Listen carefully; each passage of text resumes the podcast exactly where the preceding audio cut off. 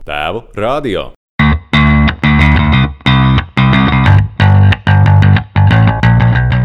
Sveiks! Tu klausies Tēvu radio podkāstu, kurā runājam par vīriešiem svarīgiem jautājumiem. Šajā sarunā mans kolēģis Lauris Bokišs turpina sarunu cikla Global Talk, atklātas sarunas par tēmām, kuras nav ierasts cilāt vīriešu starpā. Un viņš tās cilā gan te, gan otrdien vakaros klātienē Pauls Stradiņa medicīnas muzeja telpās. Kamēr tu gatavojies nākt klātienē, noklausies šo sarunu par mīlestību ar Jānu Ozoliņu. Mums večiem ir vērts pievērst īpašu uzmanību sarunas pirmajai daļai, jo Jānis sniedz ieskatu vīrietības vēsturē, tā kā ir lasījis lekcijas augstskolā tieši par šo tēmu. Mīlestība ir centrālā tēma šajā sarunā, un kā saprotam mīlestību, kā izsakām un ko esam gatavi darīt mīlestības vārdā, ir tikai daži no pieturas punktiem šajā sarunā. Nu ko, baudiet sarunu! Labdien! Uh, šodien uh, uz uh, sarunu par mīlestību. Es esmu aicinājis Jānu Ozoliņu. Jānis Ozoliņš ir uh, brīnišķīgs uh, dziedātājs, mūziķis, komponists, uh, literatūras zinātnieks, uh, docētājs Mākslas akadēmijā. Tātad cilvēks, kuram ir augstākā pieejamā izglītība un, un, un pētījis savā pētnieka pieredzē ļoti daudz tēmas, kas mums tēva radio ir svarīgas, gan saistītas ar vīrietību, tās dažādām izpausmēm, vēsturisko ceļu.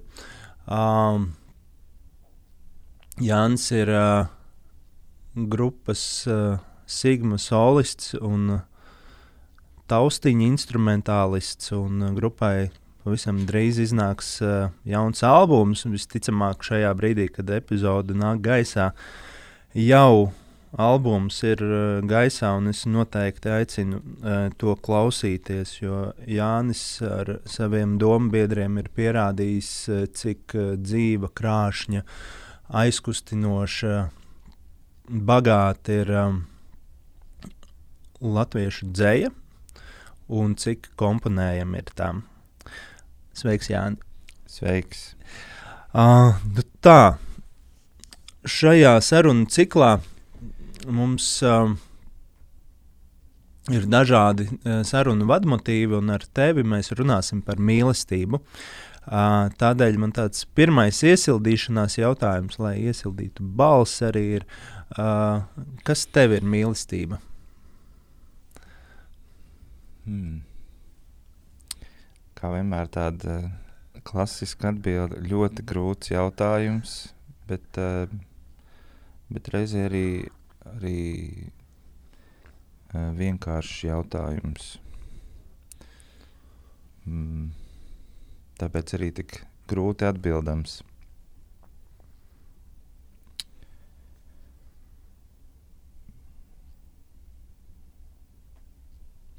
Nu, tas ir kas tāds, kas, kas vairs jau bieži vien nav raksturojams vārdos, bet es pat teiktu arī kādreiz, kādreiz klusēšanā.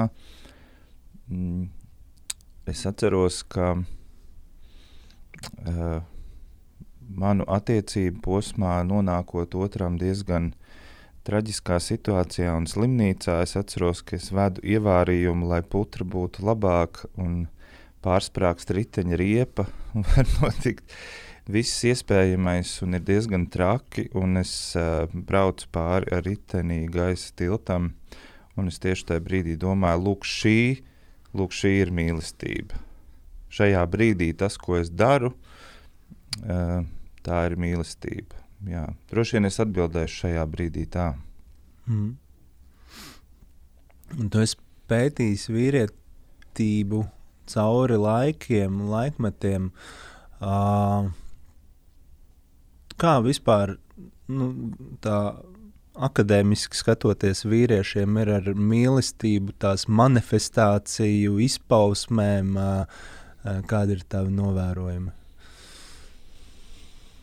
Jā, nu, vīrietība no vienas puses uh, ir saglabājusi nu, kādas nemainīgas iezīmes cauri laikiem, bet uh, domājot par mīlestību, tā noteikti arī ir manifestēta visdažādākajos veidos. Nu, ja mēs kaut vai ņemam par piemēru literatūru vai, vai mākslu, tad tās izpausmes mēs varam arī saskatīt arī cauri laikiem. Uh, nu, tāda emocionāla mīlestība, tas droši vien ir vairāk saistīts ar romantismu laikmetu, kas nāk nu, teiksim, no 18. gadsimta beigām, 19. gadsimta uh, pirmās puses. Tā ir tāda samērā nesena vēsture. Iepriekš uh, nu, tā bija tāda cildināma mīlestība, kas ir vairāk nu, tāda ar prātu aptverama, vai, vai arī tās attiecības tiek būvētas racionāli samērā iepriekš. Nu, kaut vai mēs domājam par laulības faktu, arī tas bija tāds ekonomisks institūts, nevis varbūt iekļāva mīlestību tā, kā mēs to saprotam šobrīd. Uh, jā, bet uh, vēl ko man gribas arī teikt, ka tas, ko mēs bieži vien attiecinam uz, uh, uz vīrietību uh, un vīriešiem, atsevišķas īpašības, bieži vien ir vispār cilvēciskas Un tas ir tas, par, par ko mēs varam domāt 21. gadsimtā. Ja mēs sakām, drosmīgs, vai tikai vīrietis var būt drosmīgs. Um, droši vien jau ka nē, ka tas ir uh, plašāk attiecināms, uh, attiecināms jēdziens. Tā kā mm, nu jā, vī, vīrietības uh, tāda izzināšana patiesībā nu, no tāda dzimta studiju viedokļa īsti tādus apgriezienus uzņēma 60. un 70. gados, un kopš, kopš 80. gadu vidus tā ir uh, tikai pieņēmusies uh, spēkā. Mm. Tātad, kas ir? Kas ir pētīts? Nu, pētot vīrietību, kas ir pētīts? Un tā kā mainstreams vai, vai kaut kādas eh, galējības, vai kas ir pētījumu pamatā tas uh, ga, galvenie aspekti, kurus, kur, kurus izzina, kurus pēta. Uh, jā. Mm, nu, droši vien viss, kas ir iespējams. Atkal tā atbilde šķiet ļoti, ļoti plaša, bet tas grāmatu klāsts ir sarakstīts ļoti plaši. Es domāju, ka liela interese ir par tādu kultūru vēsturisku izpēti, kur iekļaujās dažādi jautājumi noteikti. Reprezentācija kultūrā, nu, domājot, kā tas dažādās, dažādos mākslas veidos izpaužās, protams, arī nu, tādā nacionālā kontekstā. Tas vārds, protams, ir diezgan uh, bīstams un jūtīgs, bet, nu, ja mēs skatāmies konkrētu tautu kontekstā, tad arī, protams, vīrieši tiek pētīti gan uh, kara situācijās, gan ģimenes kontekstā, gan ekonomikas kontekstā, nu, tie, tie veidi, kā, kā to darīt, ir ļoti, ļoti dažādi. Nu, um, tā kā es esmu pētījis literatūru un tagad arī cenšos to darīt kino aspektā, tad uh, viens no tādiem laukiem, kas ir būtisks, ir vardarbības tēma, un mēs par to runājam vēl joprojām 21. gadsimtā. Un, un, um, nu, diemžēl esam spiesti par to runāt. Mēs redzam, kas notiek, kas notiek tepat netālu. Un, eh, jā, šis temats noteikti nav, nav zaudējis savu, savu aktualitāti, un vardarbība ar maskulinitāti bieži vien tiek saistīta. Un, un, eh, nu, varētu teikt, ka eh, vardarbības izpausmes, ko tā ikdienā kultūrā, ka mēs redzam, nu, tie jau ir zēni. Teiksim, šāda frāze, tas nav ok. jo nu, tas turpina to stāstu, no kā mēs mēģinām varbūt atkal teikšu, 21. gadsimta atteikties, bet eh, tāpēc vardarbība noteikti ir temats, kas arī ir būtisks un zīmīgs. Bet ne tikai, ne tikai protams, ka tas jautājumu lokus ir ļoti, ļoti plašs. Mm -hmm.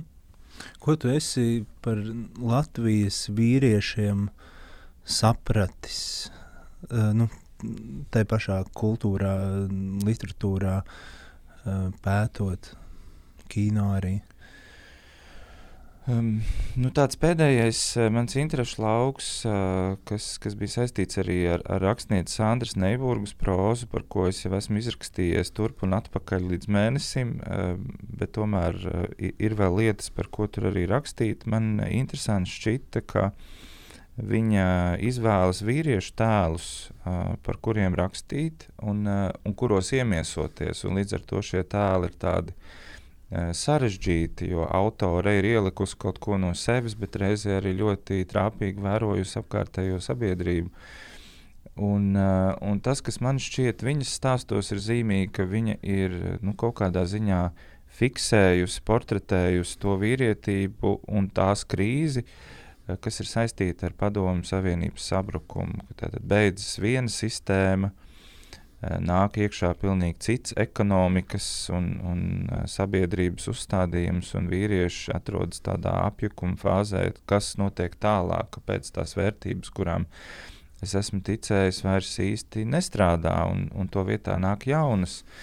Eh, un viņa ir ārkārtīgi jūtīgi portretējusi tādas neparastas vīrietības, sarežģītas, kompleksas vīrietības, nu, lielākoties tie ir mākslinieki vai nu, tādas jūtīgas personības.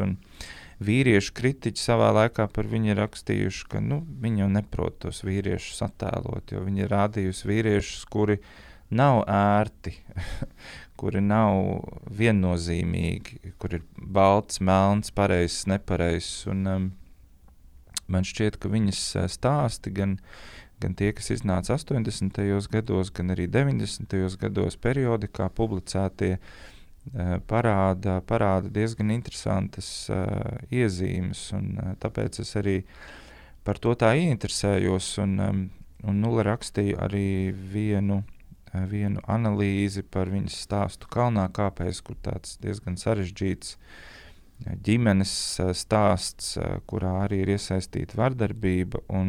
Stāsts patiešām satricina, un es arī uh, nereti dodu studentiem šo stāstu lasīt. Un, uh, Un, un, uh, viņi un viņas ir uh, satricināti vēl joprojām, lai gan stāsts ir sarakstīts 80. gadu beigās.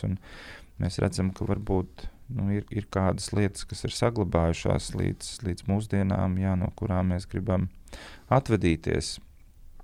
Līdz ar to, jā.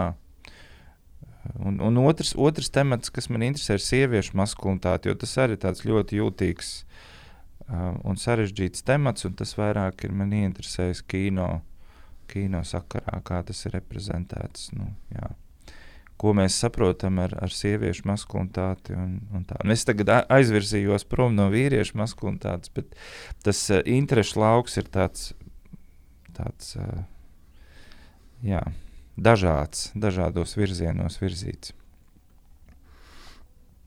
Jā, no, Bet šajā pašā Andrēs Neburgas stāstā, kurš satricina, par, par ko tur ir stāsts? Ka, kas ir tas, kas, tas, kas tevi satricina? Un, vai tas, kas tevi satricina, ir tas pats, kas satricina arī studentus?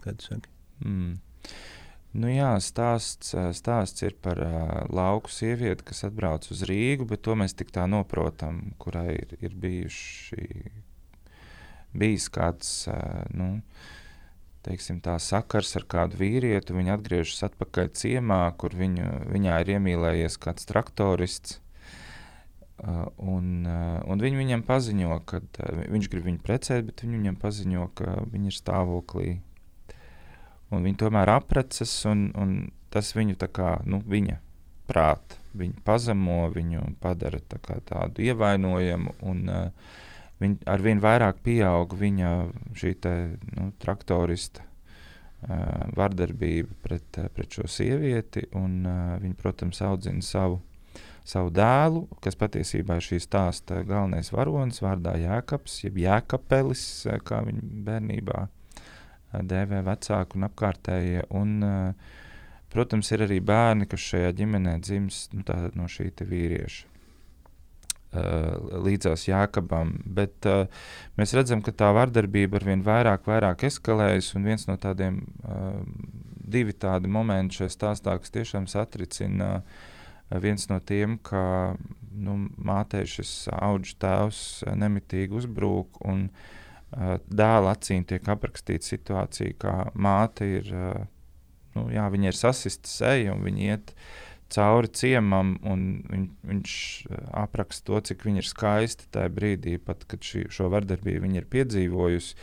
Un otra epizode, kas nu, tā, tas pilnīgi izšauja ārā no, no, no prātam aptveramā ir tas, ka ir tāds teikums, stāstā, nu, kad māte ir lietojusi alkoholu, viņš viņu ir atvedis mājās no kādas ciema balles, un tad uh, sako teikums, ka Jākabam, nu es tā aptuveni to minu, tad Jākabam ir, uh, nu, Jākabs piekauj savu māti, Jākabam tagad ir 16 gadi, viņš ir pieaudzis, un nu, tas man, man tas stāsts tā satricināja, ka sapratu, šis ir temats, par kuru es gribētu rakstīt, un kā, kā vardarbības fenomens vispār ir, um, ir aprakstāms. Un, protams, par to rakstījuši gan psihologi, gan sociologi, gan psihoanalīzē ir diezgan daudz par to rakstīts. Un, mēģinot šos skatu punktus savietot, es mēģināju aprakstīt. Um, taps arī raksts par to, bet šobrīd tie bija vairāk referāti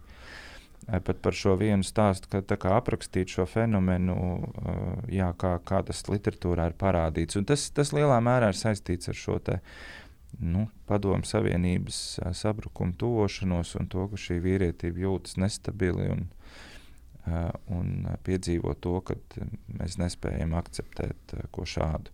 Bet vīriešu kritiķi savā laikā rakstīja par to, ka nu, šī jau tāda, un tiešām literatūra var tāda lauku čērņa, nu, tas jau nu, tā notiek, un kas tad tajā stāstā tāds interesants, un, bet nu, šie kritiķi vairāk vēlējās nu, redzēt tādus idealizētus vīriešu tēlus vai spēcīgu vīriešu tēlus, vai arī viņus interesē nu, tāda nosacītība literatūrā, ka viņi tāda abstraktāka, eksperimentālāka, ka varbūt viņi nevēlas tādu uh, samērā melnu realismu savām acīm skatīt. Un es domāju, ka tur savukārt tā mana, mana kritika ieslēdzās, ka jā, mēs ar laika distanci redzam, ka eh, šis stāsts patiesībā ļoti spēcīgs un, un, un novērtējams, bet varbūt tajā brīdī tas tā nešķiet. Tad um, bija tevis teiktajā, man ir tādas vairākas lietas, pie kurām es mēģinu pieķerties. Uh, viena ir uh, mm, šī te. Nu, es joprojām redzu tādu lielu problēmu ar uh, to, ko mums darīt ar ievainojamību. Vai tā ir spēcīga vīrieša uh, izpausme, vai, ir, uh, vai tas ir kaut kas tāds, kas ir jāslēpj. Un tad, attiecīgi, aiz kā tas tiek slēpts, ja, aiz kā tas ievainojums tiek slēpts un, un, un, un, attai, un kādus, ar ko attaisnots. Um, kas tajā tavā izpētes un zināšanu laukā uh, ir pie šī vīriešu, vīrieša ievainojamības uh, sakāms un uh, pretstatā droši vien tam, tam idealizētajam vīrietim, noteikti, kas uh, daudziem šķiet simpātisks un tā, tas tādas jābūtības, uh, uh, tas tāds. Uh, stars, zvaigzne, uz kuru tiekties. Man, jo, jo, joprojām, man liekas, mūsu sabiedrībā daudzi e, gribētu redzēt tādu ideālo vīrieti, kurš dara kaut kādas ideālās lietas un, un, un, un neredzēt, kas tos vīriešus un kā viņus būvē, veido. Viņš mani arī laikam satricināja tavs, tas īsais atstāsts, jo viņš tiešām ir ļoti piesātināts. Un, uh, un tas, ko, tas, ko tu parādīji, ka tajā brīdī, kad cilvēks, šajā gadījumā tu vīrietis, bet vispār cilvēks ir uh, jutīgs un uztverīgs, cik daudz var uh, paņemt no viena it kā ne, stāsta par uh, kaut kādu lauku čērņu. Mm -hmm. nu, jā, um, ievainojamība jau, jau nenozīmē, nu, tas, tas varbūt no manas paša viedokļa šķiet, ievaini, ievainojamība nenozīmē vājumu. Uh, un, uh, un, uh, spēks nenozīmē tikai fizisku spēku, nenoliedzami. Nu, mē, mēs jau redzam, ka daudzu, daudzu vīriešu uh, ievainojamība rezultējas uh, nu, tajā, kas, uh, kas, kas sabiedrībā mūs satrauc. Nu, protams, visdažādākajos veidos. Nu, vardarbība jau ir viens no piemēriem, tā tie var būt kaitīgi ieradumi. Tas ir otrs no pie, piemēriem. Es tagad to neizvērsīšu, bet vienkārši minot um, minot kā tādus piemērus. Bet es domāju, ka ievainojamība noteikti ir tā, kur uh, ikvienam vīrietim nebūtu jākautrējas, kas ir uh, saistīts ar viņa bērniem. Man šķiet, ka tas noteikti ir tas, kur tu nevari būt vājš, parādot, ka tu esi ievainojams attiecībā par saviem bērniem. Un, uh, Kas ir interesanti, tad tā kultūra vēsturiski tēvu interese par bērniem parasti ir bijusi no kāda piecu gadu vecuma. Un, un tam ir diezgan tāds uh, loģisks izskaidrojums nu, savam laikam, tāpēc, ka bija ārkārtīgi augsta bērnu mirstība iepriekš. Tas bija veids, kā tēvi savu ievainojamību maskēja, ir, nepieķerties bērnam līdz šim vecumam, ka viņš ir pārvarējis šo bērnu mirstību. To jau rāda antīko, antīko grieķu teksti, bet šis bija ļoti būtiski arī pat vēl 19. gadsimtā un 20. gadsimta sākumā. Nu, Mēs zinām, 19. gadsimta Viktorijas laikmeta ģimene, kur ir 12, 14 bērni. Nu, kāpēc tik daudz ir to bērnu? Tāpēc, ka ļoti daudz bērnu neizdzīvo līdz, līdz piemēram, pusauģu vai, vai pieaugušā vecumam. No tiem 12, varbūt 3 izdzīvo beigās. Un, um, jā, tas, tas bija viens no veidiem, kā tēvi, tēvi šo ievainojamību nu, teikt, mēģināja sargāt, uh, nepieķeroties. Tad, protams, viņi izrāda interesi un iesaistās vairāk um, visos procesos. Es domāju, ka mūsdienās, un nu, es par to nešaubos, ka jūs arī esat tādi tēvi, kuri iesaistās jau kopš bērna nākšanas pasaulē. Tas ir tas, ar ko mēs noteikti atšķiramies arī no arī saviem tēviem. Nu, zinot, izzinot šo kultūru vēsturisko faktu un, un diskutējot par to ar studentiem, es arī iedomājos, ka es arī sajūtu savu tēvu klātbūtni apmēram nezinu, 4, 5 gadu vecumā, vai runājot ar saviem uh, tuvākajiem draugiem vai Eh, ar saviem eh, grupas biedriem. Eh, jā, Sigmā Kasparam arī ir, ir, ir divas, divas meitas, un, un mēs esam bieži runājuši par to, un arī ar viņas sievu, kur ir teikusi, ka Kaspars ir citādāks tēvs nekā viņa tēvs, un ka var ļoti just, ka um, viņš vēlas vairāk laika pavadīt kopā ar saviem bērniem, un ka viņam ir ļoti pietrūcis tēvs, ar kuru viņam ir brīnišķīgas attiecības, bet pietrūcis tēvs kādos ne, dzīves brīžos, viņš vienmēr bija aizņemts. Un, jā, tas, tas, tas droši vien ir tas pavērsiens, ko, ko es jūtu savā apkārtējā vidē, ka um, tēvi, tēvi ir iesaistīti jau kopš, kopš paša sākuma. Un, uh, ka tēviem var piemist nu, kaut kādā. Negribu lietot to vārdu bioloģiskā, bet kaut kādā gan emocionālā, gan jā, tādā saiknē, tās sajūtas, kas varbūt ir vairāk attiecināmas bērna attiecībās ar māti. Man liekas, ka dažkārt šis lauks ir tāds, kurā es varu uh, ielikt roku vai kāju durvīs un teikt, nē, man arī šādas sajūtas. Tā kā tas noteikti ir tas, kas ir mainījies.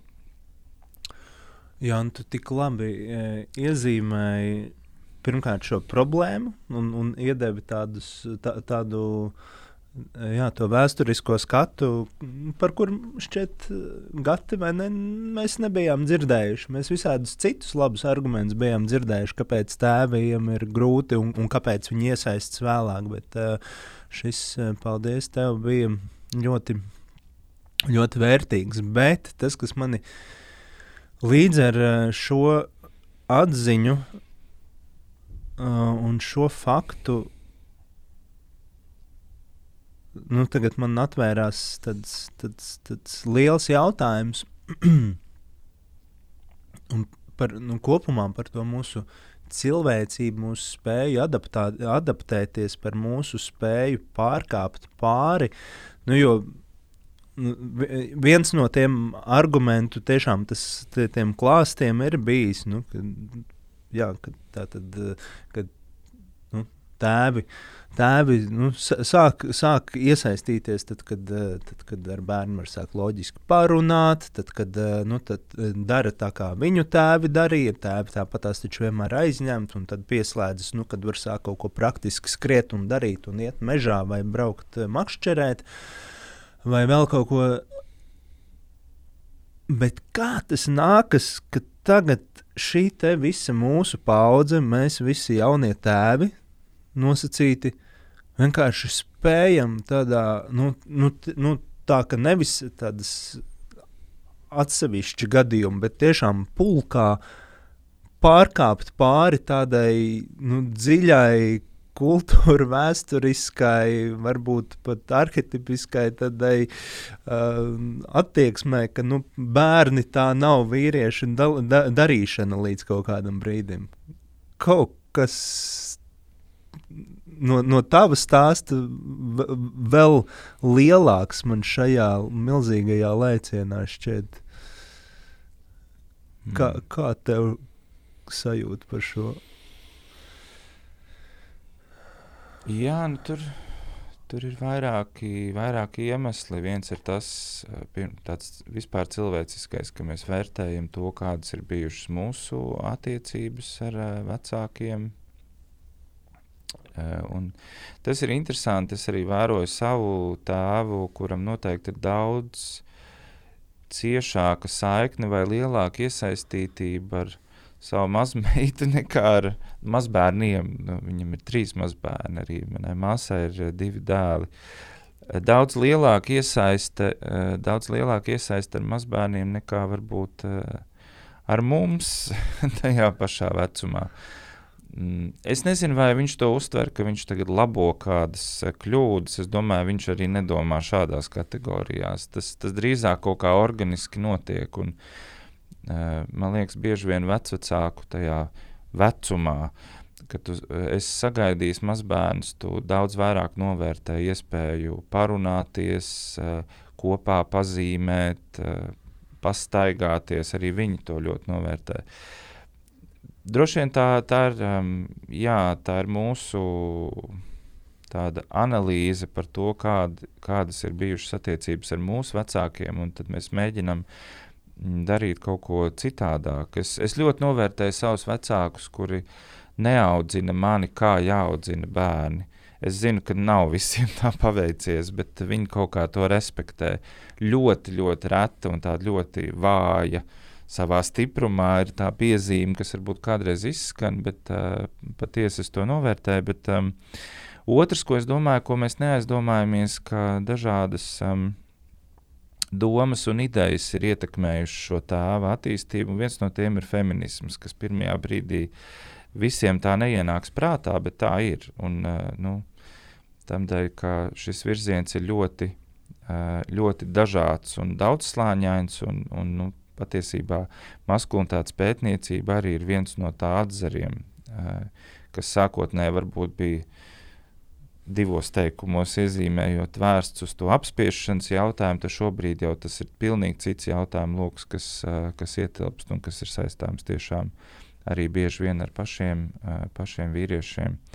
Un tas ir, tas ir mūsu ietekmējis, jo kaut kā šīs um, lomas mainās. Un, uh, es atceros vienu uh, diskusiju, kur um, viesojās viena no manām Oslo Universitātes profesoriem. Tā bija diskusija, kurā bija dažādi, um, lietošu to veco vārdu, patriarchāli domājoši vīrieši, kuri runāja diezgan nešpatnas lietas. Tad um, uh, šī profesora neizturēja un teica, ziniet, ko ir tā, ka um, manu kolēģu vidū pamatā mums ģimenēs ir kādi četri bērni, trīs vai četri bērni. Un šīm mamām ir pamatā doktora grāts. Nu, viņi nāk, protams, no augstskolas. Tā vienkārši tas, tas ir nepieciešams dar, darba vajadzībām, teiksim, tā ne jau tas būtu kāda elitārisma vai prestiža jautājums, nu, šī, šī doktora grāda klātesamība. Un, un tad viņi teica, ziniet, kā mēs varējām uzrakstīt disertācijas, un mums ir četri bērni. Atbild ļoti vienkārši. Uh, jo tēvi iesaistījās bērnu audzināšanā. Un, un man liekas, tajā brīdī tā diskusija apklusa, jo nu, tas uzsvers bija uz to, kā mātes eh, nu, neiesaistās tik tā ģimenes dzīvē, un par maz ir bērnu, un tā tālāk, un tā joprojām. Nebija ko teikt tālāk. Tad, tas ir jautājums par, par, par ģimeni un attiecībām, un tieši tā tēva iesaistīja bērnu audzināšanā. Un, uh, man ļoti patīk tas moments, ka jā, šie, šie kungi, kuri visticamāk paši savus bērnus redz, redzēja maz, ja viņiem tie ir bija spiesti padomāt un meklēja jau nākamās nepatīkamās anekdotas, ko iesaistīt šajā, šajā diskusijā, bet um, tas ļauj mums pārdomāt to, kā, kā, šī, kā šī tēva loma mainās un kā vīrieša iesaistē bērnu audzināšanā. Eh, mainās. Un nevelti tāpēc ir tas apzīmējums jaunie tēvi vai jaunie jūtīgie tēvi, jo es domāju, mēs tādi arī esam un, uh, un arī cenšamies to ievainojamību neslēpt, bet, protams, mēs nevaram to uh, universalizēt, jo, protams, ka ir tēvi, kuri, kuri tādi nav. Tā dažādība jau joprojām pastāv. Tēvi, Jāni, un um, un tēva un mīlestība, un beznosacījuma mīlestība, kas ir tāds īpaši aprakstīts uh, fenomens vēl 20. gadsimta uh, otrajā pusē šķiet. Eriks Froms ne, rakstīja par, par mīlestību, mīlestības dabu, par sieviešu un vīriešu, par tēvu un māšu mīlestību. Un, un, un diezgan strikti un skaidri rakstīja, ka tēvi jau nu nevar uh, paust, eh, piedzīvot, eh, īstenot beznosacījumu mīlestību. Man liekas, ka arī to mēs esam pierādījuši kā iespējamu, tomēr, ka mēs mm. spējam just, eh, pieredzēt, īstenot, paust beznosacījumu mīlestību. Kā, kā, kā tev ir vispār nu, tādā, tā, tavu sajūtu un tavu zināšanu ietvarā nosacījumu, beznosacījumu mīlestību un, un, un viss, kas ap to ir sarakstīts un saradīts? Nu, es droši vien vairāk domāju tādā, tādā attiecību kopumā ar, eh, ar savu meitu, ar kuru tiešām es esmu saaudzis kopš, kopš viņas nākšanas pasaulē. Es vienmēr atceros to brīdi, kad ir viņas eh, dzimšanas diena katru gadu, kā jau mēs zinām, tās pienāk. Es redzu šīs fotogrāfijas, ko, ko ģimene mēdz arī cilāt. Un, uh, es redzu to brīdi, kurā man ieliek bērnu rokās, un es atceros to brīdi ļoti labi, ka man likās, ko? kas, kas tas, kā, kā tas notiek? Un, un ir tas pirmais apjukuma brīdis, un es atceros pat pirmās trīs dienas, es vienkārši nesapratu, kas notiek, lai gan es, protams, viss notiek, bet uh, ir tāds, tāds apjukuma moments. Uh, un tad tāda otra epizode, kuras šo saikni uh, atceros, ka ir, ir nu, pirmie brīži, kad tu paliec ar bērnu viens, uh, kad uh, bērns ir zīdainītis un tev ir jātiek galā, piemēram, četras stundas, un uh, mammas nav. Un tā tad uh, nu, bērns arī to jūt, un tad ir tā, tā saikne, kā tu to veido. Uh, un ir, ir uh, satraukums un, un raizes, un kā vis tas viss būs, kas ir tikai saprotami un cilvēcīgi. Un tad trešā epizode, kad uh, Ulas mamma dodas nu, darbos, viņai bija liels projekts ārpus valsts, pat vairākās valstīs. Un, Un tas ir tas brīdis, kad bērns ir, nu, kā, kā mēs to saucam, noņemts no krūts. Viņš vienkārši ārdās. un kā es atceros, kā es meitu mēģināju šmaukt, lai iemidzinātu ar rūgušu pienu. Tās pirmās dienas. Nu, es domāju, ka manam tēvam nav šādas pieredzes, un, un daudziem tēviem tādas nav. Bet, tā kā, tas, tas kā šie, šie momenti ar vien vairāk to, kāpēc es to stāstu, ar vien vairāk to saikni um, veido un veido šīs atmiņas un, un, uh, un arī šo, nu, kā tu teici, beznosacījumu mīlestību. No acīm redzot, tajā brīdī tā teikt, nostiprināt vai paplašināt vai jebkuru citu nezinu, darbības vārdu mēs uh, izvēlētos. Un, um, jā, tā, tā arī tā, tā saukšana ar uh, bērnu notiek. Un šobrīd kad manai meitai ir pieci gadi. Man uh, liekas, ka es vēlētos vēl kādus trīs gadus, lai viņai ir šis vecuma posms, jo tas ir tik ļoti interesants. Un uh, visas sarunas, un uh, blēņas, un uh, jā, jā, mēs, mēs mājās viņu saucam par spīdzbuku šādos brīžos, mm, kad tiek uh, kaut, kādi, kaut kas nostrādāts. Un, uh, tas ir tas. Uh, tas ir tas, ka es tagad saprotu šo, un es fiksēju, un arī zinot, nu, gan, gan uh, no manas apkārtējo um, tuvo cilvēku, kuriem ir arī li lielāki, pieaugušāki bērni, ka šis ir tas brīdis, kur ļoti, nu, es negribu lietot vārdu jāizbauda, bet jāfiksē, jāatceras, kā, jāiekļauj šajās atmiņās, jo nu, pienāk tas brīdis, kad bērns sāk attālināties no vecākiem. Šis ir tas brīdis, kad viņiem tik ļoti ir tie vecāki vajadzīgi. Tāpēc, nu jā, tāpēc ir tā sajūta, ka negribas, lai šis, eh, šis vecuma periods eh, noslēgtos tik ātri. Un, man liekas, šis ir arī, ko es tā pie sevis domāju, šis ir arī tas vecuma posms, kāpēc vecāki, kuriem ir bērni, grib vēl bērnus. Jo viņiem eh, pietrūks tas uh, mazā bērna posms, un, un manu draugu vidū arī ir um, jā, draugi, kuriem pēc trīs, bet, nu, teiksim, starp uh, otro un trešo bērnu ir, ir 15 gadu uh, atšķirība, un, un es arī saprotu, kāpēc viņi ir pie šī jautājuma atgriezušies, kad uh, grib šo sajūtu atkal, un, protams, ka tie visjaunākie ir arī tādi luteklīši. Tāpēc. Tas jau nav noslēpums. Jā, jā, es zinu, par ko tu runā. Manam jaunākajam puikam arī ir pieci gadi, un uh, tas ir, ir kaut kāda tāda mīlestība, ko var uh, piedzīvot, uh, un, un, un, un tas abrīns uh, uh, un pārsteigums.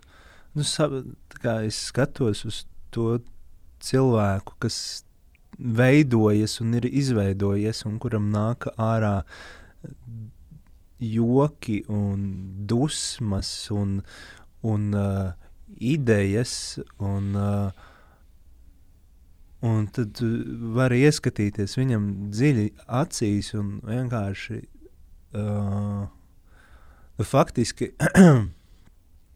Jā, man liekas, ka tu ļoti labi iepriekš noformulēji, ka, ka, ka tas uh, vīrieša, nu, tāda īsta vīrieša, viņa tāda labā, uh, īstā dzīvā ievainojamība tiešām atplauks tad, ja viņš ir kontaktā ar saviem bērniem, jo uh, man ir drū, grūti par daudz ko citu iedomāties, uh, nu, kur, kur man uh, nu, emocijas sakāp līdz asaru uh, līmenim. Un, un man, manā tajā līmenī, nu, tas ir, jo, jo viņas tur vis kaut kur var būt, tur dziļāk, ja, bet, bet tad, uh, kad es domāju un runāju, bet atliek tikai domāt par to, kā ir bērni izauguši un cik viņos ir fantastiskas īpašības, tad nu, kā, viss ir pieslēdzis klāt domām, arī emocijas, un tad tas kļūst nu, tik uh,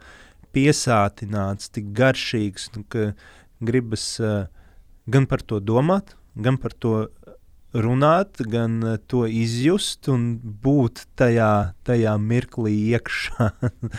un, un, un, un tā kā tu saki, lai, viņš, lai tas mirklītis uh, varbūt. Uh, stiepjas garumā. Ja nu nekad nebeidzas, varbūt ne, bet to mēs varam atmiņā paturēt. Uh, un, un, un tie mirkļi arī ir. Ja, tādi noteikti ir man uh, abu divu dēlu dzimšanas mirkļi.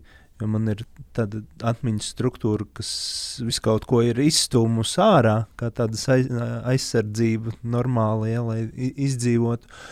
Bet, bet nu, dēlu dzimšanas ir mirkļi ir kaut kas tāds, kas spēj kā, atgriezt visu atpakaļ, gan, gan fiziski, gan emocionāli.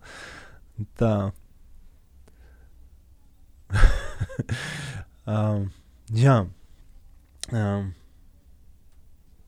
vai tev, nē, nē, es uh, padalījos savā sajūtā. Jo es, es, es tiešām esmu mirkļiem apjūku pie tā, kā no tām maziņām, maziņā kunkuļa, kur tu vari tikai mīcīt un, un viņam gugināt, izaug vienkārši cilvēks.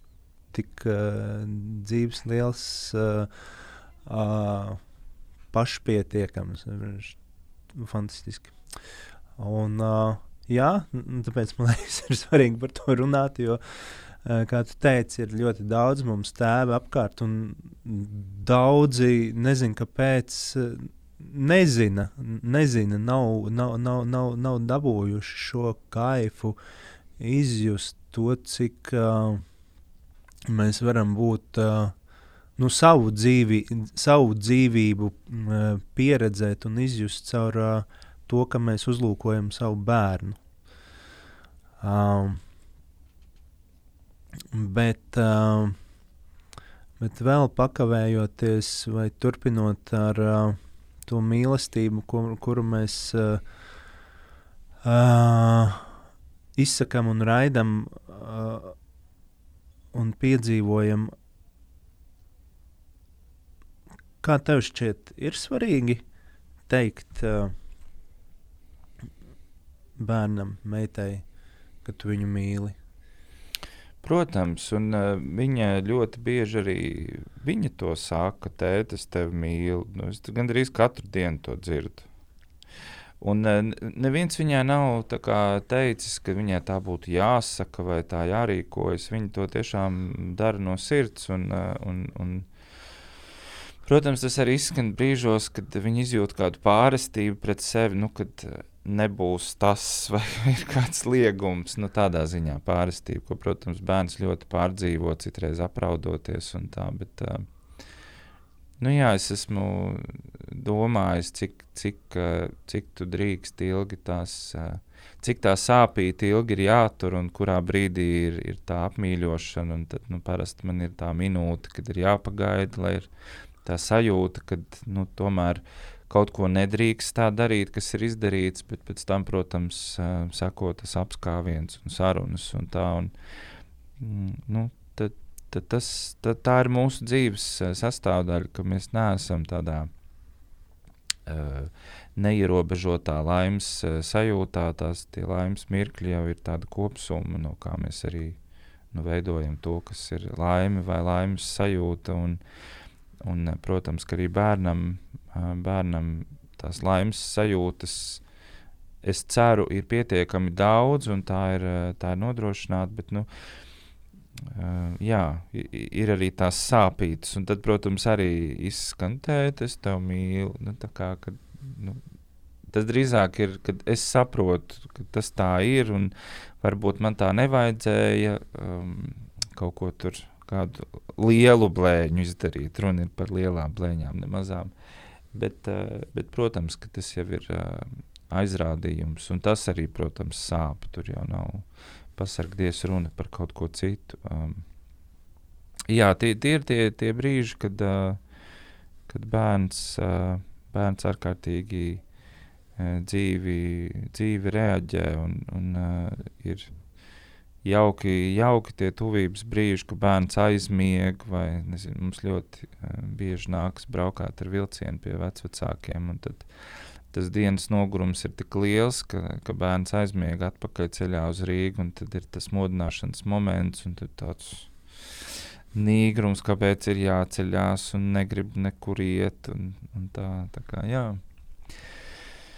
Um, tā, tās, tā, tās, tās ir svarīgas uh, emocijas, un, un tas ir svarīgi teikt. Uh, un, un ne tikai vecākiem bērniem, arī, arī savstarpēji attiecībās, arī pieaugušajiem ir uh, svarīgi, to, svarīgi to teikt. Mm. Uh, tu jau mazliet pieskāries akurāt tam, ko es gribēju tev tālāk vaicāt. Proti, nu, teici, ir tie laimes brīži, viņiem iepratīm ir jābūt tiem nelaimes brīžiem. Ja? Mēs varam izbaudīt šobrīd daudz par to runājam, ja? brīvību. Tad, ja mēs saprotam un zinām, kas ir nebrīve, un, nu, respektīvi, ka ir vajadzīgi šie kontrasti, uh, kā tev šķiet, vai mīlestība kā tāda, ja, gan kā emocija, gan kā sajūta, pieredze, viņa arī stiprinas nobriest uh, caur šo te nemīlestības, dusmu, naida, uh, pārestības sajūtām stiprāk un lielāk. Vai, vai mīlestība ir kaut kas tāds, kas varētu izaugt tikai, jo ir vēl vairāk mīlestības un vēl plašāka, nu, tā kā, vēl, kaut, kaut kas tāds, kas ir nos no tā visa cita, ko mēs varam izbaudīt tikai tad, kad mēs vispār piedzīvojam, kas ir kontrasts. Ja? Mm. Nu, droši vien, ka mīlestība vairo mīlestību, nevis nevis otrādāk. Bet, bet, protams, tas nenozīmē, ka cilvēkiem, kas varbūt savā ģimenē nav, nav šo mīlestību ļoti spēcīgi izjutuši, ka viņi nebūtu spējīgi mīlēt un to dot vairāk savās attiecībās un saviem bērniem. Tā mēs, tā mēs gluži arī nevarētu teikt, nu, vismaz tādā vispār cilvēcīgā plāksnē. Es tagad nerunāju kā psihologs vai sociologs, jo varbūt nu, es varu lasīt šos tekstus, bet es, es ne, nepārstāvu to jomu, lai tā racionalizētu varbūt, šo pusi. Bet, um, jā, es, es varu teikt, šobrīd man ir grūti izskaidrot, kas un tieši kā, tāpēc, ka to šo jautājumu sāk, kas, kas ir mīlestība un kā, kā es to izdarīju formulētu, bet tādā sajūtu un arī izpratnes ziņā, laikam es esmu uz šo, šo jautājumu sev atbildējis, un es to vienu, vienu piemēru minēju. Protams, tas ir gan attiecībās, gan, protams, arī saistībā ar bērnu. Un, man liekas, tas ir tas jautājums, ko es ļoti arī, un ne tikai es, bet arī, arī Kaspars un Uģis, ko mēs esam Sigmā savā jaunajā albumā risinājuši. Ka, tā, tā attiecību gama un izjūtu gama, kas tur ir sastopama, ir no, no trauksmes, no um, neziņas, um, kaut kādām neirotiskām reakcijām, līdz, līdz pat uh, jutekliskumam, mīlestībai, sāpēm, caur sāpēm, caur traģisko par to, ko, ko nozīmē arī, kad ieskans, um, ieskans kaut kāda motīva, kas ir saistīta ar nāvi, jo tas mums arī ir riņķi un apkārt notiek un ir saistīts ar mums.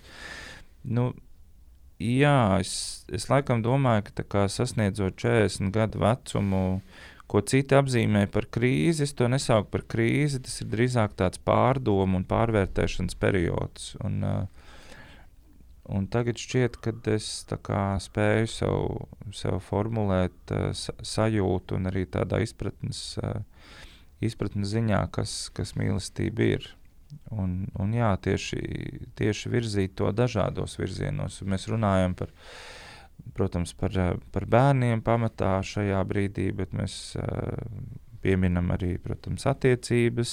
Bet, uh, Es domāju, arī attiecības ar vecākiem. Un, uh, tas ir tas, ko es tagad ļoti pārdomāju, jo es jūtu to brīdi, kad uh, es pietuvojos tam, ka es esmu vecāks ne tikai savam bērnam, bet mazliet arī saviem vecākiem. Mēs visi dzīvē tajā brīdī nonākam. Un tas ir kaut kāds tāds kā zariņš, ka tā krikt, pārlūst, kaut kas, kaut kas mūsos tajā brīdī pārlūst. Un, Un tieši tagad mēs saprotam to, ka mēs esam pieaugušie. Tikai šajā brīdī, kad tu mazliet kļūsti, maniem vecākiem viss ir kārtībā, bet tādā ziņā, ka tu tomēr kaut kādas rūpes vairāk izrādi, ka tā vecāku sajūta ir arī virzīta viņu virzienā. Uh, un, uh, un tas ir ļoti tāds, uh, svarīgs, ļoti trausls, ļoti nozīmīgs uh, brīdis. Un, jā, es uzskatu, ka tas ir brīdis, kad mēs esam pa īstam pieaugušie. Lielisks uh, formulējums. Jā.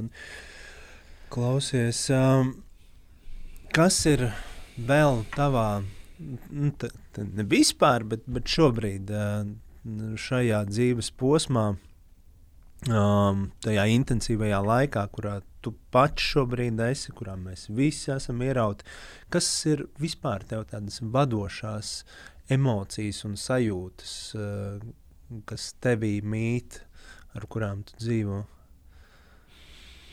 Tu domā, šajā brīdī ņemot vērā, kas ir noticis un kas notiek. Nu, jā, jā, arī, jā. Mm, tas...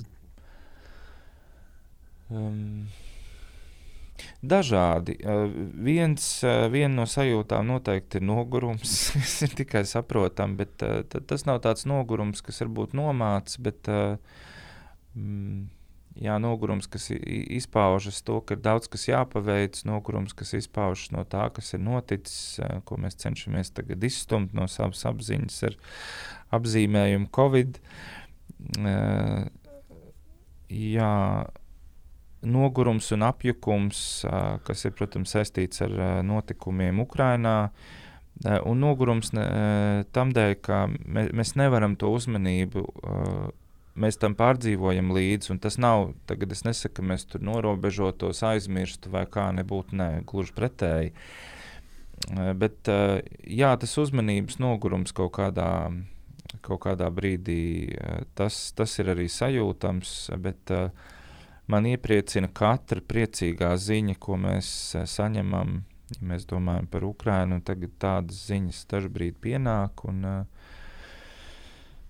nu, arī es tik pa brīdim pieminu Sigmu, arī mums bija ļoti daudz pārunu un sarunu par to, vai spēlēt koncertus, vai kaut ko darīt, vai tas vispār ir adekvāti šajā brīdī. Un tad mēs sapratām, ka tas ir adekvāti un to vajag darīt, un par to vajag runāt. Un, uh, mums pat ir dziesma, kas uh, vienkārši izklausās, ka būtu sarakstīta šo notikumu dēļ, bet uh, lai gan tas iemesls, um, sākotnējais iemesls vai grūdienis bija no pilnīgi kā cita. Uh, un, un jā, arī mēs, uh, mēs arī ziedojām, nevis ziedojām, bet kā tu teikt, atdevām Latvijas televīzijā šo dziesmu ar domu, ka ja, ja viņi vēstīs par Ukrajinu vai būs Mēs zinām, ir pārskati, gada notikumi, lietas, kur viņiem tas būs nepieciešams, ka viņi to var izmantot jebkurā laikā. Un, un, protams, mēs to spēlēsim koncertos un par to atgādināsim, jo mēs nevaram no tā uh, kaut kādā veidā norobežoties, jo tas mums šobrīd ir svarīgi. Līdz ar to tas, tā, tas nogurums noteikti jā, ir, ir viena no tām raksturojošām pazīmēm. Otra lieta ir tāda drosmes atrašana Mm, un tas ir saistīts ar to, ka mums nemitīgi tiek draudēts. Un tad vienā brīdī es uh, nu, atceros to sajūtu, kā viss ir satraukti, kas notiek, un, uh, un, un par draudiem, kas tiek izteikti no kaimiņu valsts. Tad pēkšņi es saprotu, ka man vairs nav bail no atombumbām.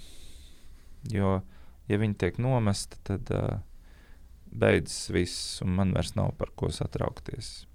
Un, man liekas, tas ir ļoti, ļoti svarīgi to sajūtu sevī, sevī uzturēt vai atrast to drosmi, jo, jo nu, es tomēr vēl ticu, ka ir daļa cilvēku, kuri kaut vai merkantīlu iemeslu dēļ negrib atteikties no tā, kas ir eh, dzīvība vai kaut kāda pasaules turpināšanās, pat ja viņus nevada kādas citas uh, emocijas vai sajūtas, nu pat ja viņus vada aprēķins, es domāju, ka viņi vēl grib dzīvot. Un ja viņi nomet šo bumbu, tad viņi arī nedzīvos. Nu jā, um, tas, tas varbūt izklausās tā mazliet. Um, grūti raksturot, kādas izklausās, bet, bet es, es teiktu, ka tā ir tāda drosmes, drosmes atrašana, jā, ka šis drauds vairs, šis drauds vairs man nebiedēja. Man biedē daudz kas cits. Man biedē tā vardarbība, kas notiek apkārt. Man uh, biedē varbūt citu cilvēku bailes un kā viņi šādās bailes situācijās reaģēs, bet uh, varbūt uh, šī ir tā lieta, kas mani vairs nebiedē. Bet man ļoti biedēja pašā sākumā, un es arī baidījos no tā, ka kaut kas tāds var notikt. Tā droši vien būtu tāda otra, otra sajūta, un, un uh, trešā sajūta ir, ir jā, tas. Um, Jā, nu, droši vien to, ko tu minēji, kā tēmu, mīlestība, kur es skatos, un, un tuvākie un rūpes par tiem, cik svarīgas ir, ir attiecības un ģimene šajā brīdī. Un es to ļoti, ļoti novērtēju. Man ģimene ir tāda ļoti paplašināta un plaša. Un, es, es ārkārtīgi to novērtēju. Un, un, Un tas ir tas, kas man šobrīd rūp, un varbūt kaut kādā brīdī ļoti rūp ar to, ka tas man ļauj to stabilitāti, garīgās dzīves stabilitāti noturēt. Jo, diemžēl, es redzu arī apkārt, cik ļoti šis laiks trauslākus cilvēkus iespaido un cik grūti viņiem ir šo stabilitāti sevī noturēt. Un tas ir tas, kas varbūt arī ir tas. Uh, satraucošais brīdis, kur, kur man ir bail. Ja es teicu, no atombummas man vairs nav bail, tad varbūt šajos brīžos par to, cik, cik nu, trausli ir cilvēka psihe, tas, tas varbūt par to tas ir bailīgi. Um, bet jā, jā tāds, tāds trauksmēnums, trauksmēnums noteikti ir jūtams. Jūtams it visā, bet, bet nu, tas līdzsvars arī kaut kā tajā ir jāatrod. Kā tevī savienojas? un, un, un šķiet, ka ļoti labi, bet uh, varbūt tu vari pastāstīt vēl, vēl plašāk. Jo lielā mērā tu par to tikko jau runāji. Uh, bet um, kopumā emocionalitāte un racionalitāte. Nu, ka, kāpēc? Jo teiksim, tie ir tādā plakātiskā virsrakstu līmenī. Mēs dzirdam katru nedēļu no, no politiķiem, sabiedriskiem cilvēkiem. Kā, nu, atstāsim emocijas malā. Nu, kā, nu, šo es pateicu, tur emocionāli. Tur vēl kaut ko, vēl kaut ko, vēl kaut ko. Un kopumā, pirmkārt, kad tā emociju klātesamība dažādos uh, jautājumos tiek, uh, kā, iz, tiek vērtēta pirmkārt kā kaut kāda tāda vājuma atkal jau izpausme, Uh, un, un, un, jā, un, un klausoties tevi un, un, un, un ņemot vērā, ka tu esi pētnieks un tu esi mūziķis un uh, nu, tajā, ko tu runā, tur uh, nu, ir ļoti bagātīgi spēja emocionālo un racionālo savienot un lietot uh, prasmīgi apvienojusies. Kā, kā tu jūti par to, ko nozīmē emocionālā un racionālā savienošana?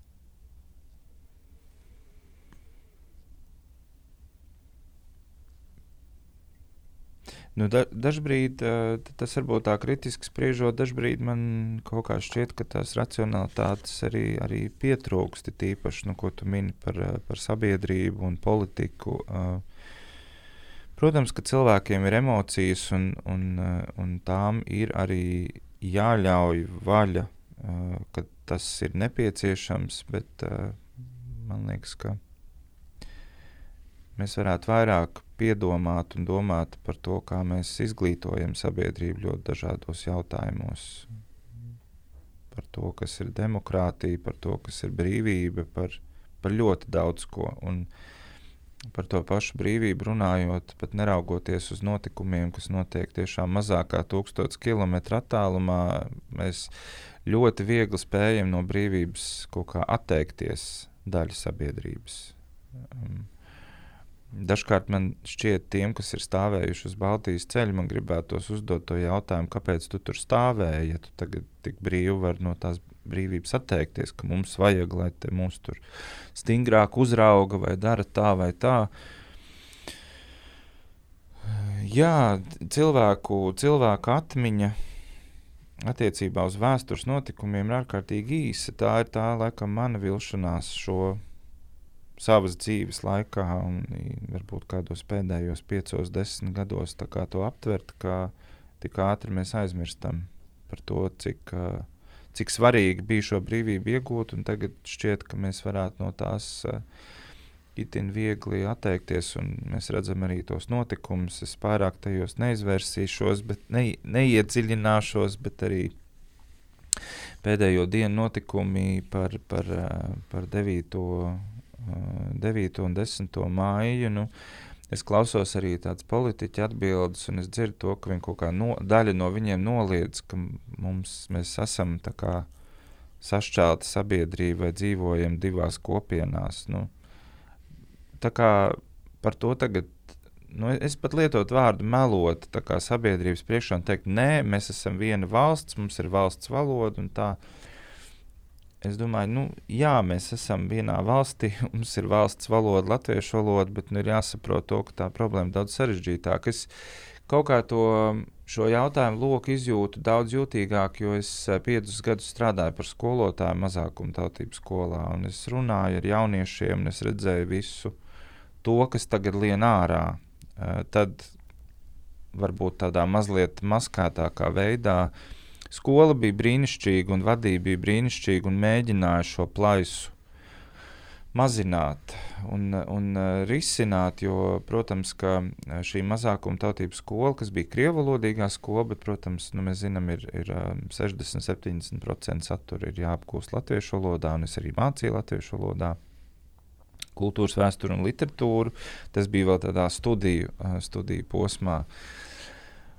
Uh, un, um, Bet tur, um, nu kā, nu, tur bija ukrāņu jaunieši, un es vidusskolu, vidusskolas posmā mācīju, un baltkrievu jaunieši, un jebkuri jaunieši, kas runā krievu valodā, bet kuriem ir arī cita dzimtā valoda.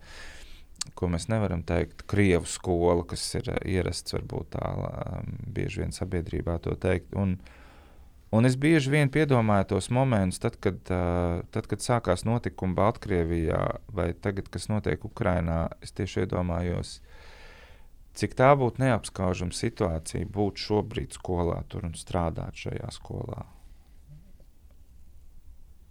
tas būtu ļoti, ļoti neapskaužami. Es domāju, ka man būtu daudz vairāk sāpju un, un bēdu un, un visa pārējā to, to vērot pilnīgi tādā iekšienē.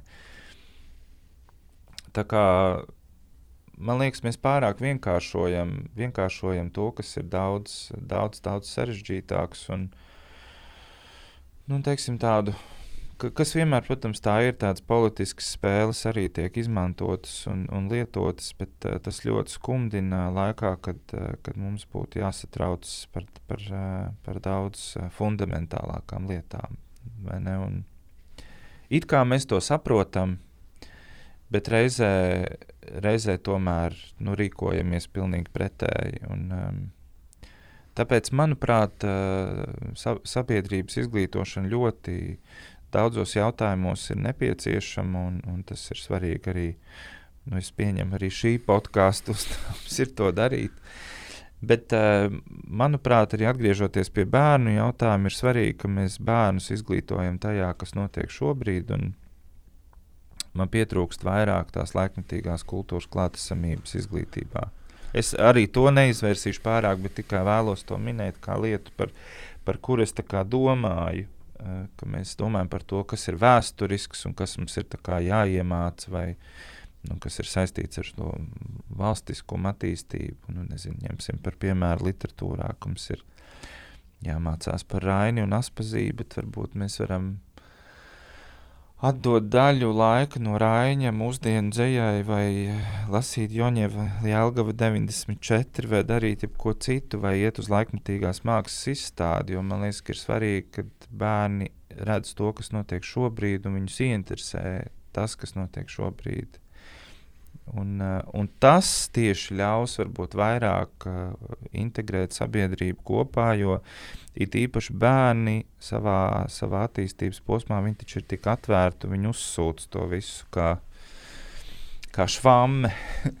un viņi uzsūc, diemžēl, arī to, kas nav tas, par ko mēs priecājamies, kas notiek šobrīd. Varbūt tam būtu jā, jādod kaut kāds, kaut kāds pretsvars. Jā, nu viņiem ir jāmāca, jā, jādod iespēja mācīties par to runāt. Jo, jo, jo tu nekad nevari sagaidīt no cilvēka, ka viņš kaut ko darīs, īstenos, izteiksies, uh, sapratīs, sapratīs gal galā. Jau, jau, jau pirmkārt, uh, ja viņš par to nemāk runāt, tāpēc kopumā. Nu, šī saruna ir ļoti, ļoti uh, manuprāt, vērtīga ar to, ka man pretī ir cilvēks, kurš zina elementāri dažādus emociju vārdus un spēj par viņām runāt. Uh, un, un ne tikai runāt, bet arī um, arī dziedāt.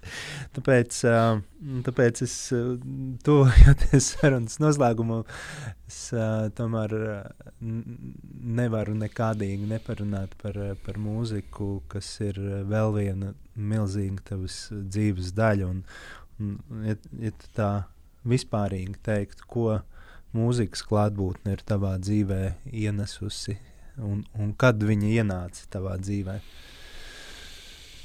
Nu, mūzika ir uh, pilnīgi viss.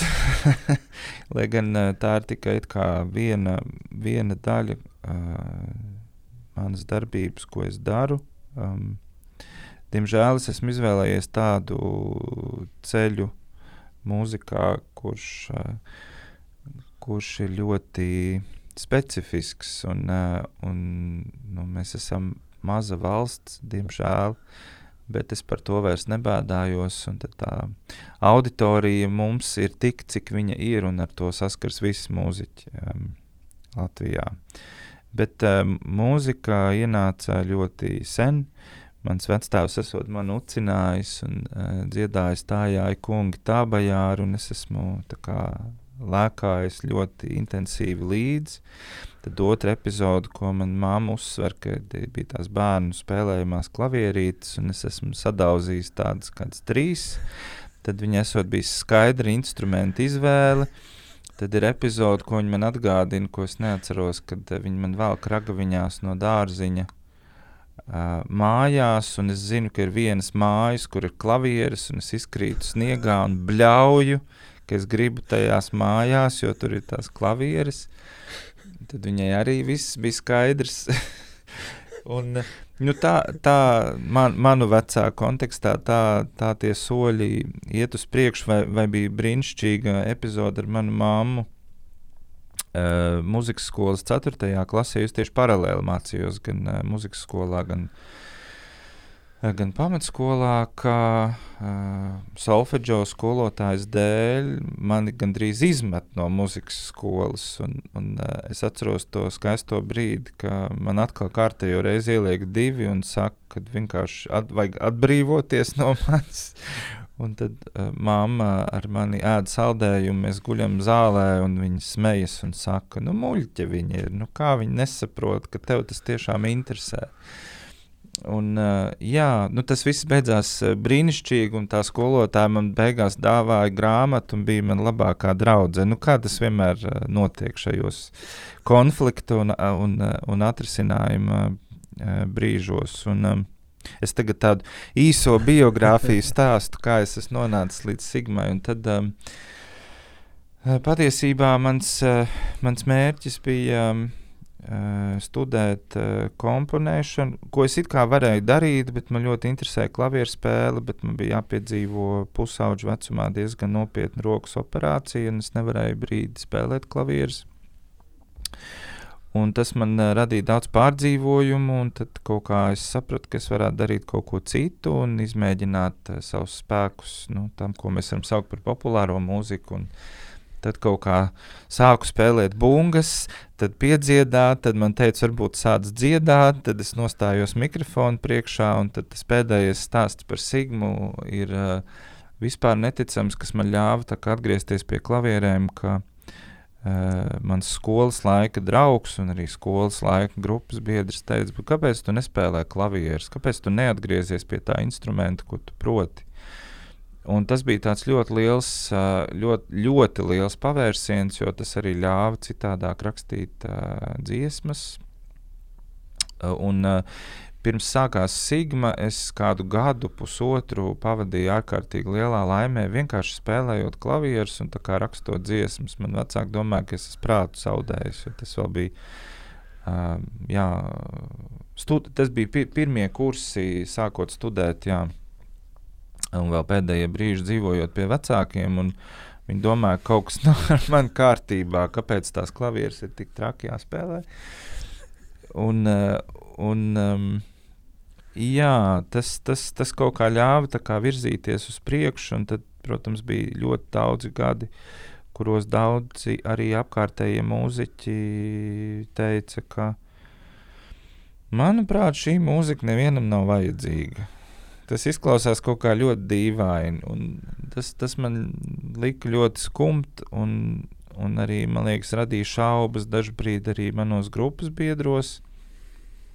Un tad, kad iznāca pirmais albums, tad, tad likās, ka tāds, kas notiek, ir cilvēki, kam tas patīk, cilvēki, kas nāk uz koncertiem.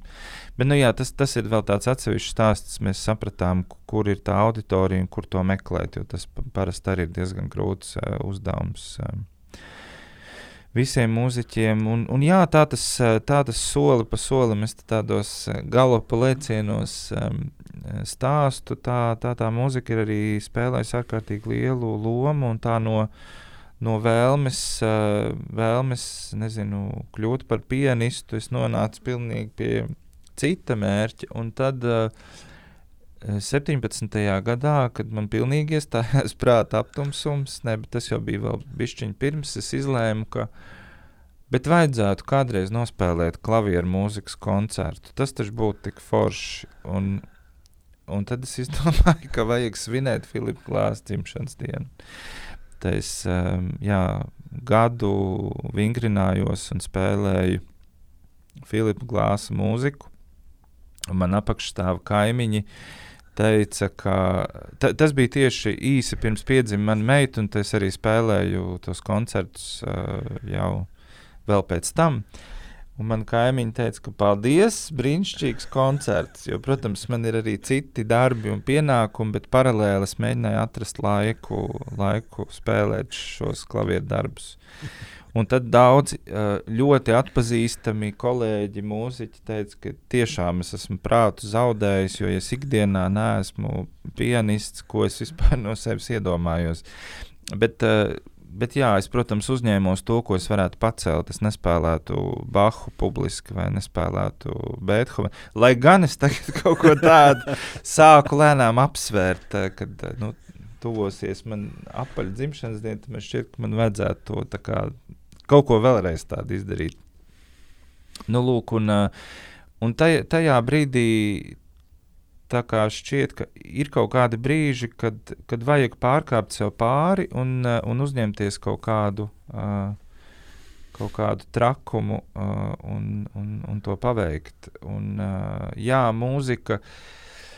Sasaistot to ar, to ar tēmu, ko tu teici par mīlestību, mūzika droši vien ir tas, tas mēdījis, kas man visvairāk satricina uh, emocionāli. Un, uh, vi, man mākslas formas dažādas var saraudināt un padarīt emocionālas, bet mūzika vienkārši, nu, es domāju, jūs to arī atzīsiet, ir tāda, kas reaģē arī fiziski uz mums, nevis reaģē, bet izraisa fiziskas reakcijas, nu, kaut vai tie paši skaņu viļņi vai ko mēs izjūtam, sēžot simfoniskas mūzikas koncertā, tu jūti, kā tā skaņas masa tev, tev nāk cauri un tevi tricina. Un, un, nu, man uz skaņām vispār ir tāda psihofiziska reakcija.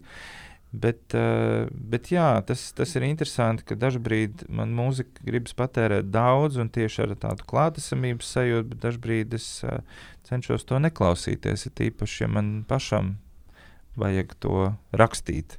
Jo citādi tas traucē. Tad tā, tās saiknes ar, ar, ar, ar mūziku un skaņām ir uh, tādas. Um, gadu gaitā pilnveidojušās, bet arī kļuvušas tādas komplicētas. Un vēl arī, lai jūs pasmīdinātu, es bieži vien esmu sas, sas, saskāries ar momentu, kad cilvēki domā, ka es esmu jūtis, jo es eju un kaut ko dungoju. Bet vai kaut ko domāju, vai, vai pēkšņi ierakstu diktafonā, jo nu, tās skaņas atnāk un tad viņas fiksē. Vai ir bieži vien es jūtu, ka ir ļoti foršas lietas, kas tā aizpeld. Un es zinu, ka tās nekad netiks fiksētas. Un, un Nu, jā, tas, tas tā, tādā pārskrējienā stāstot, mūzika ir spēlējusi ārkārtīgi lielu lomu un spēlē joprojām, lai gan, lai gan tā ir, ir, ir kļuvusi par šo radošo izpausmju lauku, ar kuru es uh, nepelnu naudu, uh, lai gan, protams, it kā teiktu, ka pelnu, bet tomēr nē. Uh, bet tas ir saistīts ar to, ka man ir, ir uh, svarīgi, svarīgi to darīt, jo tā ir tā, ir, jā, tā radošās izpausmes uh, joma. Man ir arī tā interesanti, ka akadēmijā strādājot, es esmu pasniedzējis, kas māca teorētiskos priekšmetus, nu, tā, tādas kultūras un humanitāros priekšmetus. Un, uh, um, akadēmijas vidē to sauc par teorētiķiem, jo praktiķi ir tie, kas uh, nodarbojas ar vizuālo mākslu. Un tad es citreiz arī studentiem saku, ka jā, es neveidoju skulptūras, instalācijas un negleznoju, bet es īsti nejūtos tikai kā, kā teorētiķis. Un tad kaut kādā brīdī viņi saprot, jā, ka tas, tas uh, mākslas lauks jau var būt cits, izmantojot pilnīgi citu mediju. Manā, manā gadījumā tā ir um, tā ir mūzika. Jā. Jaunajā albumā, par ko tu, par ko jūs visvairāk uh, runājat, kas bija jūsu nezinu, lielākie un tavi lielākie izaicinājumi, un kas bija tavi tavas negaidītākās atklāsmes radot viņu? Hmm. Um, izaicinājums bija tas, ka mēs uh, domājām par to, ka, uh, kā pārkāpt pāri dziesmas žanram, ko vēl ar dziesmu var darīt, jo vienmēr dziesmā ir pantiņš piedziedājums vai kāda vidusdaļa. Uh, un uh, kaut kā organiski sanāca, ka mēs uh, nonācām pie atkārtojuma principa mūzikā, kas likās ārkārtīgi spēcīgs un ir, ir vienmēr bijis. Nu, es jums varu nosaukt dažus piemērus. Piemēram, Mēnesnīcas sonāta ir labs atkārtojums. Vai, vai nu, tādus, ko jūs arī zināsiet, vai Ravēla bolero, kur vienkārši orķestris paliek tikai skaļāks un skaļāks, un tie apgriezieni ir vien lielāki. Uh, bet, nu, protams, mēs sapratām, ka atkārtojums var izpausties ļoti dažādi, bet pašas dziesmas to, uz to arī vedināja. Eh, tās, kas jau bija tapušas, un tad likās, o, oh, tas ir, tas ir interesanti, un to varētu darīt. Tāpēc mēs eh, nosaucām albumu par ostinācijām. Eh, nu, ostināto ir šis atkārtojuma princips mūzikā. Un ostinācijas, nu, ja ir dziniekiem soneti un trioletes, mums ir tāds dziesmu žanrs kā, kā ostinācijas. Un, um, šoreiz mēs, protams, arī izmantojam dzēju, bet uh, Bet ne tikai es arī atkal esmu uzrakstījis pats uh, dažus tekstus, teksts ir ļoti svarīgs, bet teksts nav vienīgais, kas, kas ir tas iemesls. Iemesls varbūt ir tiešām tā forma un eksperimenti. Bet uh, šeit bija interesanti tas, ka es esmu Sigmai nesis dažkārt materiālu, kur viņi pieslēdzas ātri, un teiksim, tā forma vai struktūra diezgan skaidra. Uh, Tad šeit es dažkārt nācu uh, uz nu, tiem brīžiem, kad mēs strādājām to jauno materiālu un atnesu lietas, kuras bija pusgatavas, vai es speciāli tādas nesu, ka man ir risinājums, bet es rādu trīs dažādus risinājumus, tad mēs kopā atrodam to. To kopējo valodu, kā to, kā to atrisināt. Un, un kaut kā ir sanācis, ka šis albums ir tāds kā jau es mazliet jau minēju, reizē trauksmēns un, un tāds nervos, un reizē ļoti juteklisks. Arī nu, tas ir saistīts ar atsevišķām dziesmām, un viņš ir tāds galējību ieraksts, ko es domāju, arī klausītāji sajutīs. Nu, mēs esam dažiem jau likuši un vērojam to. to to sajūtu, kā, kāda tā būs.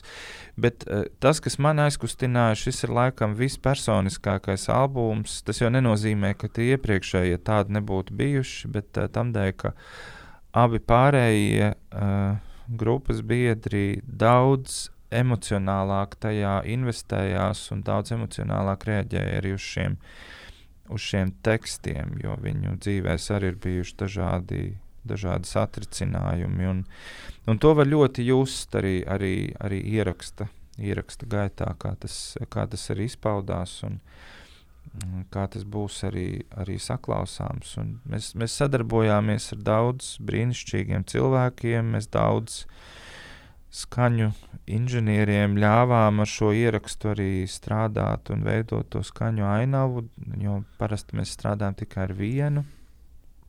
Šeit mēs strādājam ar veseliem četriem. Un, uh, jā, šis ir pirmais albums. Mēs vakardien ar, ar, ar Kasparu, ar grupas basģitāristu, runājām par to, ka šis ir pirmais albums, kur mums patīk klausīties pašiem ik pa laikam. Jo jo mēs tā kā ļāvāmies arī attiekt nost kādā brīdī no tā un ļaut arī citiem pastrādāt ar to. Nu, pēc tam atkal atgriežoties atpakaļ un ar to strādājot. Jo citādāk ir tāds nu, jā, arī nogurums to visu darot, un tad, kad tas albums iznāk, tad tu jūties tāds. Saguris, laikam, būtu jāpriecājas, bet šoreiz tā nav. Sagurums ir, bet ir, ir ļoti liels, ļoti liels prieks. Un, um. Jā, būs, būs interesanti redzēt klausītāju reakcijas, un būs interesanti redzēt arī klausītāju reakcijas koncertā. Es domāju, tas pārsteiguma moments būs. Un tad tas, tas, ko mēs esam darījuši līdz šim un esam saglabājuši, ka mēs to ierakstu līdz galam parādām tikai tajā brīdī, kad tas iznāk. Un, uh, un tas ir risks, jo nu, savā ziņā klausītājiem ir kaķis maisā ja neskaita dažas dziesmas, ko publiski parāda. Bet šoreiz kaut kā ir tā sajūta, ka, ka vajadzētu būt visam, visam labi. Domājot par tiem klausītājiem, kas sīknu zina. Mm. Um.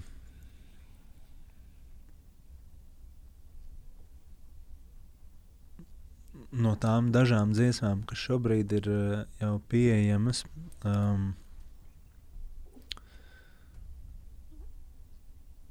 un mūsu šīs dienas uh, sarunas kontekstā. Um, par ko ir melnā māsa? Hmm.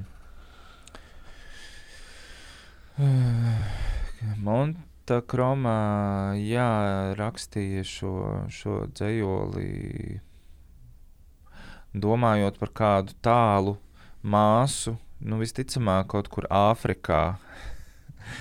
Eh, un tad uh, viņi domā, pamāci mani, jā, kā, kā, ko nozīmē mīlēt. Um, un tas, tas bija laikā, kad uh, šādus dzējoļus nu, nespēja akceptēt, ka viņi uzdrīkstas rakstīt, uh, nu, ko teica par jūtām, un emocijām un mīlestību. Un tā, vai, vai ir vēsas lūpas, kas, kas bija pati pirmā dziesma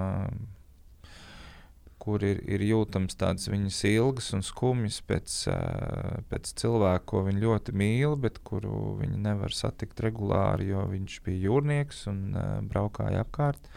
Mums ir vēl arī trešā dziesma, kas saucās Lūpas, tu lūpas, es vesels divas uh, par lūpām, kur arī ir arī tāda.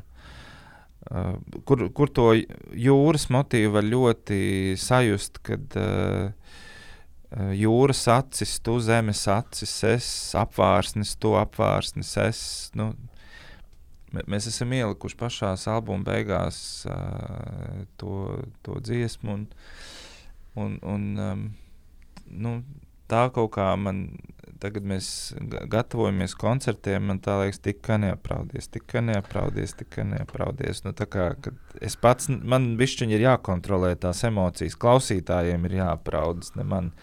Bet, uh, bet jā, kaut kā viņas, uh, viņas um, dziesmas, viņas dzējoļi un, un dziesmas, kas ir tapušas, kaut kā dod šim albumam tādu uh, līdzsvaru tieši tā par, par mīlestības un juteklisma aspektiem, kas mums ir tik svarīgi. Un uh, Kārlis Vērdiņš, kuram ir arī divi dzējoļi izmantot šajā albumā, viņš ir jau vairāk kārt noklausījies. Viņš teica, ka jā, Kromas, uh, Kromas dzējoļi ir, un, un šīs dziesmas ir ārkārtīgi būtisks, ko var just.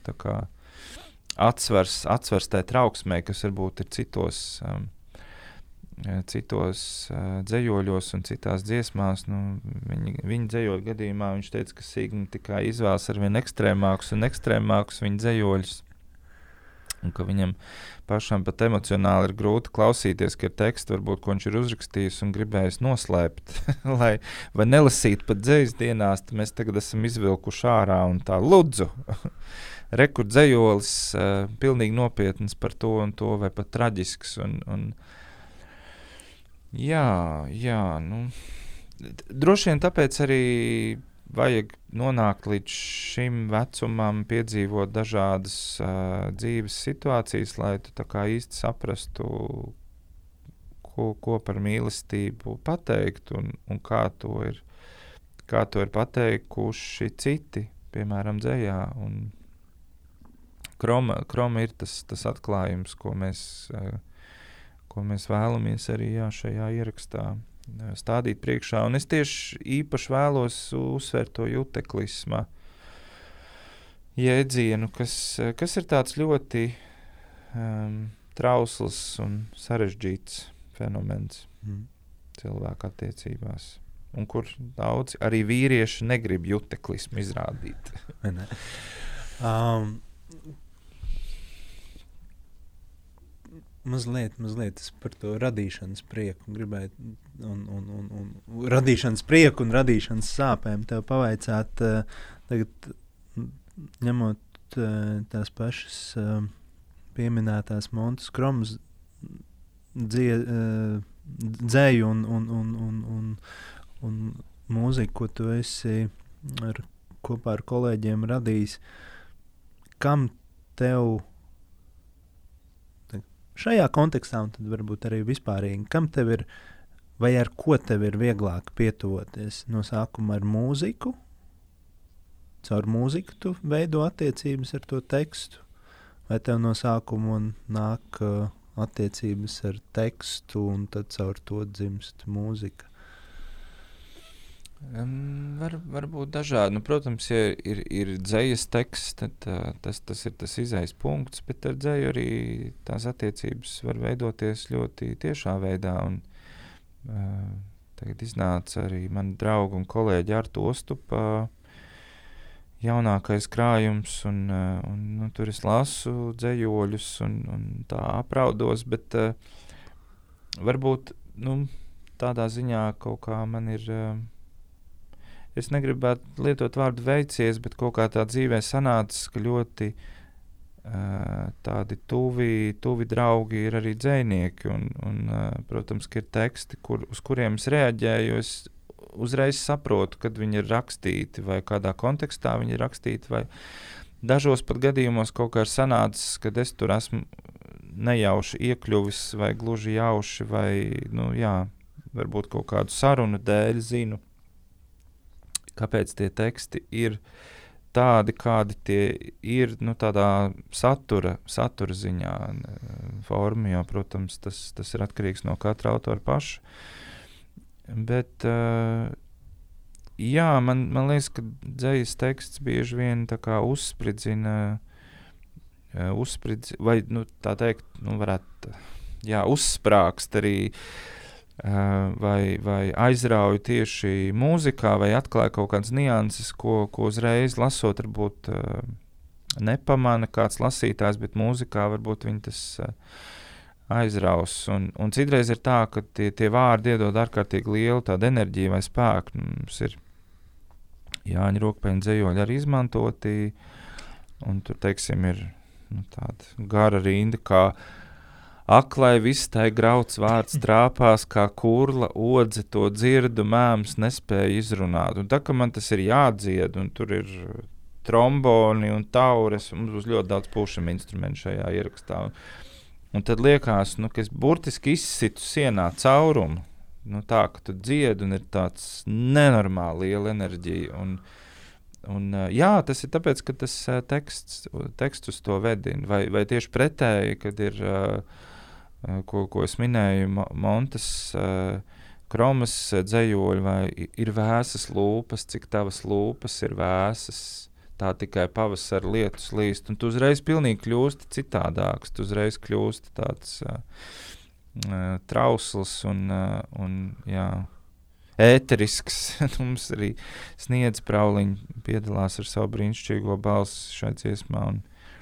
Tas uzreiz, tas uzreiz maina, maina tos nosacījumus. Un interesanti ir arī tas, ka man bieži vien ir šis albums nāk ārā, bet es jau tā kā lēnītēm jau dzīvoju tajā nākamajā lietā, kas vēl prasīs ilgu laiku kas iznāks. Bet um, pat ja tu neko neuzraksti, ir tādi posmi, vai kā tu kā jau raksti, jo vienkārši tu akumulē lietas, un tad viņas vienkārši vienā brīdī ātri tiks uzliktas uh, uz papīra vai ierakstītas vai kā citādāk. Un tas ir tāds, tāds interesants process, un tas uh, ko es vienmēr piedzīvoju, ka iznāk albums, ir tāda ļoti liela tukšuma un bēdu sajūta, jo tā tāds ļoti garš, garš process. Reizē ir ļoti liels prieks, protams, ka tas ir noticis, bet pēc tam ir tāda bedres sajūta, un es jau, oh, kā es negribu šito, kas tūlīt, tūlīt būs. Jo, jo tu saproti, ka tu tik ilgi, tas ir arī viens, nu, tas ir tāds banāls salīdzinājums, bet tā ir. Tas ir vēl viens bērns, ar ko tu esi dzīvojis visu laiku. Un, un, un, un darbojies, un tu visu laiku domāji, cik interesanti būs klausītāji. Viņi tur dzirdēs to, un tad būs tas, un tad būs tā, un vēl kaut kā. Un, un tu par to tik ļoti priecājies, un ar to visu audz un attīsties kopā, un tad ir tā, te tas ir. un tad tā, pēc tā, te tas ir, protams, ir koncerti un, un notikumi, bet tā kā, bet ko tagad? Un, ko te, un tagad atkal viss no sākuma. Un, uh, tā kā mēs šo ierakstu uh, veidojām, uh, tad es uh, Sigmai tieši atgādināju uh, režisoru Šapīro. Jaunatnes teātris režisoru kādreiz teikto aktieriem pirms katras jaunas izrādes, nu, ko viņš teica, tā kā tulkojot latviešu valodā, nu, ar ko jūs šoreiz pārsteigsiet? Mēs esam to, to, to, to izdarījuši. Ko jūs šoreiz pārsteigsiet? Un, uh, Man liekas, ka Sigma jau tur bija gatava man mest ar kaut ko pēc, eh, pēc šī jautājuma. Jo jā, tas, tas ir tāds uh, grūts jautājums pēc tam, un ko tagad. Un tā, tāpēc, uh, jā. jā. nu, ir viens tāds neviennozīmīga doma, jautājums, uh, grūti pateikt, kas tas īsti ir. Um, Kāda ir tava pieredze mākslā, tavā gadījumā, mūzikā? Tu vairāk atklājies, vai tu vairāk aiz kaut kā paslēpies? Mm.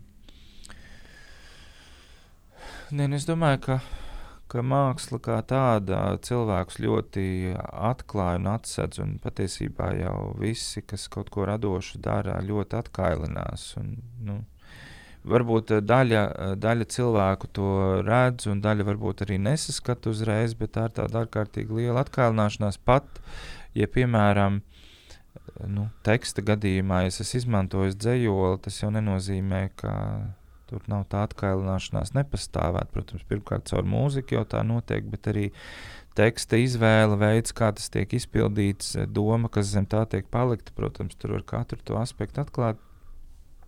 Man liekas, man eh, viens no tādiem pārdomu brīžiem bija arī. Pat ne tādas burtiskas eh, estētikas ziņā, nē, bet tādas idejas brīžiem bija, kad uh, Keita Buša, kur ir arī zināma ar daudziem stāstiem, ko viņa ir patapinājusi no literatūras, teica, ka nav jau tik interesanti visu laiku dziedāt uh, par sevi. Tur man sāpes, tur to, vēl kaut ko. Ka ir, ka ir interesanti izdzīvot tos stāstus. Nu, tā ir varbūt tāda bišķiņa aktiera pozīcija, bet ne aktiera, ka tu to spēlē.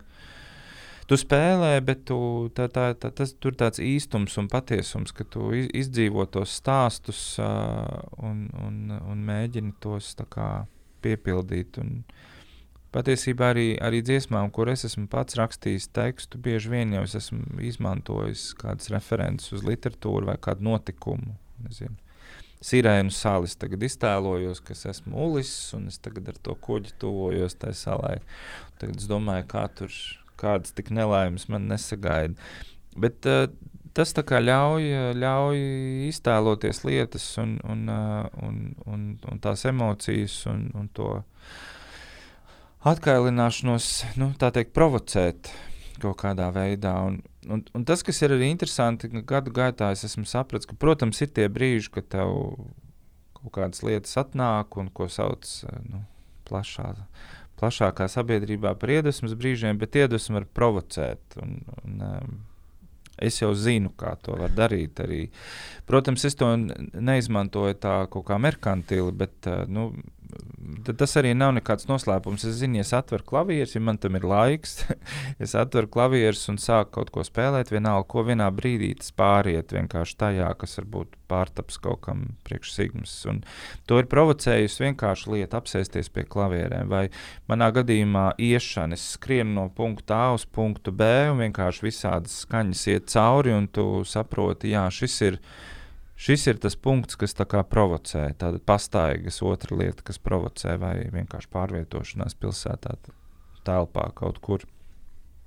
Un, jā, un tad, un tad ir tava izvēle, vai tu to notver un saglabā, vai tu to palaidi. Un patiesībā ļoti daudz kas tiek palaists. Citreiz es par to pat bēdājos, bet uh, citreiz arī nē. Uh, jā. Un, uh, tagad es mēģināšu savilkt kopā visu mūsu sarunas sākumu ar šo skaisto noslēgumu par, par, par mākslu un mūziku. Uh, un proti, uh, kāda ir gan tava, atkal, tava iekšējā sajūta, un tava iekšējā, tā, tava personiskā pieredze un tavi novērojumi arī par, par kultūru telpu, par māksliniekiem, gan par tiem vīriešiem, kas tur ir atrādīti, gan tie vīrieši, kas ir radījuši varbūt tos mākslas darbus. Proti, tā ideja ir sekojoša. No, bieži vien, tad, kad nu, tādā terapeitiskā veidā mēģina pateikt cilvēkam, cilvēkam, vīrietim, cilvēkam, kā tikt galā ar emocijām, ja, saviem impulsiem, savām dusmām, vēl kaut ko. Ja, īpaši nu, viens no tādiem blokiem, ko cilvēkiem iesaka, nu, dari kaut ko radošu. Raksti dienas grāmatu, mhm. mēģini uzrakstīt dzēju, ja māki sist bungas, sit bungas, tur, vai vienkārši bungo. Respektīvi, uh, nu, radi kaut ko, glazno zīmē, ja, nu, ja tev ir. Un, un, un, uh,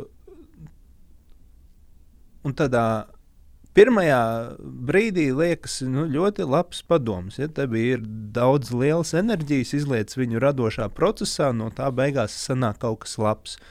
Bet tad atkal mēs zinām tik daudz tos cilvēkus, daudz vīriešus, māksliniekus, kuri to visu ir darījuši, bet tāpat tās ir bijuši drāņķi un varmākas. Ja?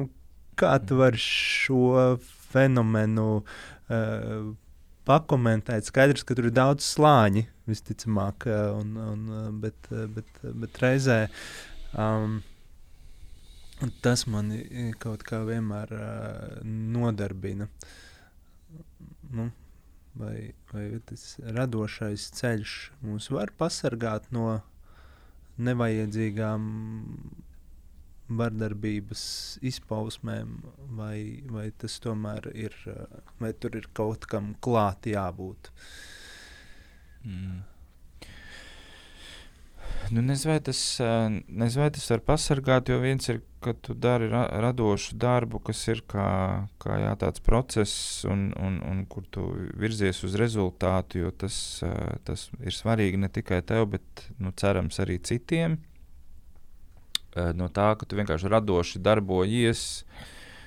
Um, jā, Tas, tas, tas noteikti nepasargā. Un, protams, ka, ka nu, dažs varbūt tieši to vardarbību izmantos savā mākslā, kaut kādā apzināta veidā. Un, un, uh, un, un citi par to jūsmos, bet uh, citus tas atkal ļoti, ļoti sarūktinās um, un, un satrauks. Um,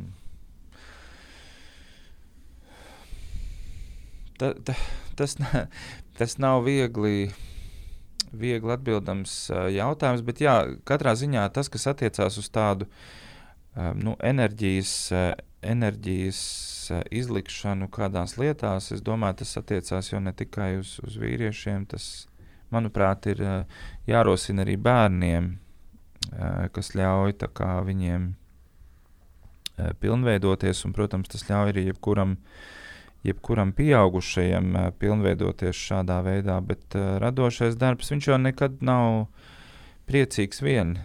viņš ir arī pilns ar uh, bēdām un pārdzīvojumiem, un, un ir tie posmi, kad, kad radoši cilvēki nespēja radīt, un viņi to ļoti pārdzīvo, vai viņi maz raksta, maz komponē, vai tam ir visdažādākie iemesli, kāpēc tas tā notiek. Un tas nevienmēr ir priecīgs uh, process. Tā varbūt to var saukt par, par dāvanu, bet ka cilvēkam tāda piemīta, bet uh, tas nenozīmē, ka tas ir viegli un, un, un vienmēr, uh, vienmēr patīkami. Bet uh, man arī likās, ka man nav tāda hobija nekad īsti sava, ko, kā, ko es sauktu par uh, hobiju. Nu, ir, ir lietas, ko es patērēju un izzinu un par ko interesējos, bet vai tāda hobija, tad es tagad sāku domāt, ka varbūt man tāds ir parādījies, bet es to arī neuztveru kā hobiju, bet kā pašterapiju, kad es uh, esmu apaudzis ar augiem Covid laikā, un es zinu, ka es neesmu vienīgais. Tāds ir ļoti daudz, kuri vienkārši rūpējas par augiem,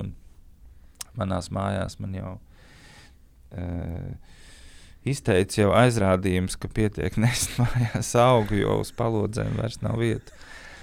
Um, lūk, lūk, tas ir veids, kas man sapratu, ka, protams, man ļoti interesē augi un ir svarīgs, tās, uh, ir svarīgs rūpes par tiem, bet tas reizē ir arī tāds tā kā, uh, terapijas veids, ka es zinu, ka man ir ļoti, ļoti traka diena gaidām priekšā, un es zinu, ka šo augu apl aplaistīšana vai viņu aplūkošana, aprūpēšana man ļauj nomierināties, vai arī gluži pretēji esmu atnācis no tādas dienas, un es varu kaut kā tam uh, veltīt mazliet laika.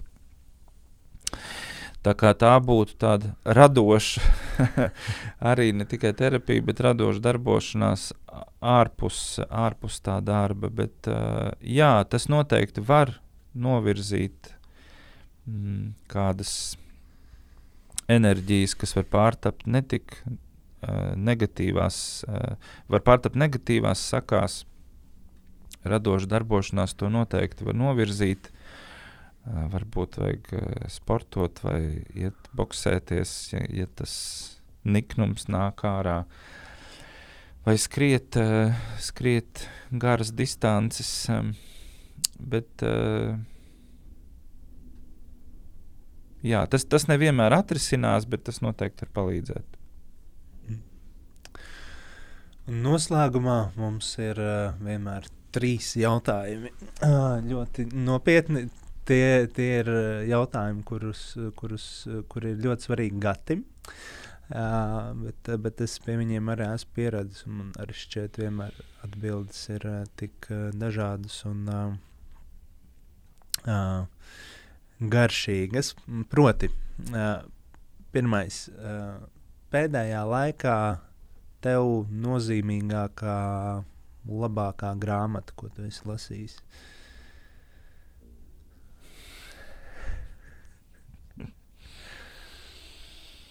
Hmm.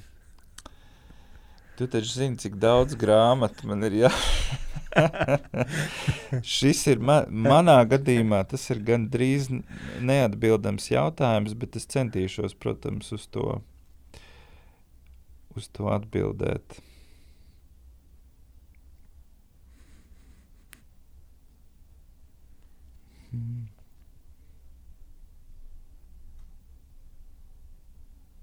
Es teikšu, tiešām pašu pēdējo grāmatu, jo tas būs visgodīgāk. Nu, tas būs ar tostu krājums, variācijas par mēnesi tēmu.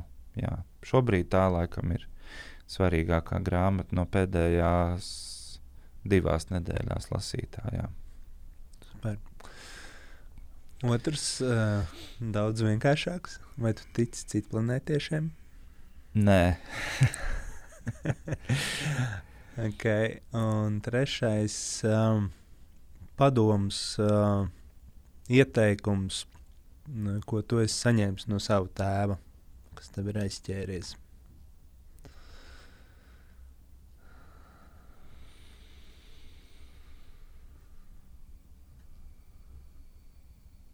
Hmm. Tie padomi bijuši, bijuši dažādi.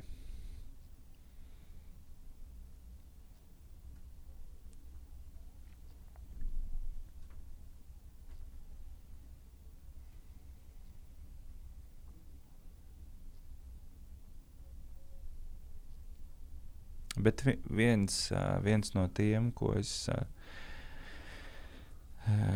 pieķeru sevi, dzirdam galvā, kad mans tēvs saka, ir, kad tu atbrauks mājās. Tāpēc, ir nedēļas, kad darba dēļ uh, es netieku, un, un tas nozīmē, ka es atbraukšu ar meitu arī. Tā, kad, kad tu atbrauks mājās, jā. Un tas īstenībā tas izklausās kā tāda svarīga emocionāla frāze, bet tas ir padoms, kad ir jābrauc mājās un ir jāsatiek vecāki. Paldies, Jāni, lai kolosāli koncerti. Un, uh, es noteikti aicinu visiem, visiem klausīties uh, visās straumēšanas vietās, kur Sigmas jaunais albums būs pieejams, un kamēr uh, nav pieejams, tikmēr ir labi noklausīties vecos. Uh, viena no svarīgām lietām, ko es nepateicu, bet par ko ik pa brīdim domāju, uh, man ļoti patika, ka viena no jaunajām dziesmām ir pietiekami gara, Tad vienīgais mans tāds uh, kritiskā lieta ir, ka man dažas iepriekšējā albuma dziesmas ir pa īsu. Es viņas varētu klausītos nu, vismaz septiņas minūtes, un tad es, man tā sajūta, kas tur ir, viņi ir tik tik, tik, tik nu, piemēram, Mikēniete beidzas tik ātri, ka es kā, gribu viņu vēl paklausīties. Man patīk viņā dzīvot. Un, tad, un likt tā kā uz apli, nu, tas ir viens, bet ir kaut kādi tādi gabali, kurus gribas dzirdēt vēl. Paldies, tev, Jānis. Paldies. Paldies, ka noklausījāties līdz galam. Kas tev patika šajā sarunā? Atstāj komentāru jebkurā no platformām, padalies ar draugu un seko mums, lai dzirdētu arī nākamo sarunu. Atā!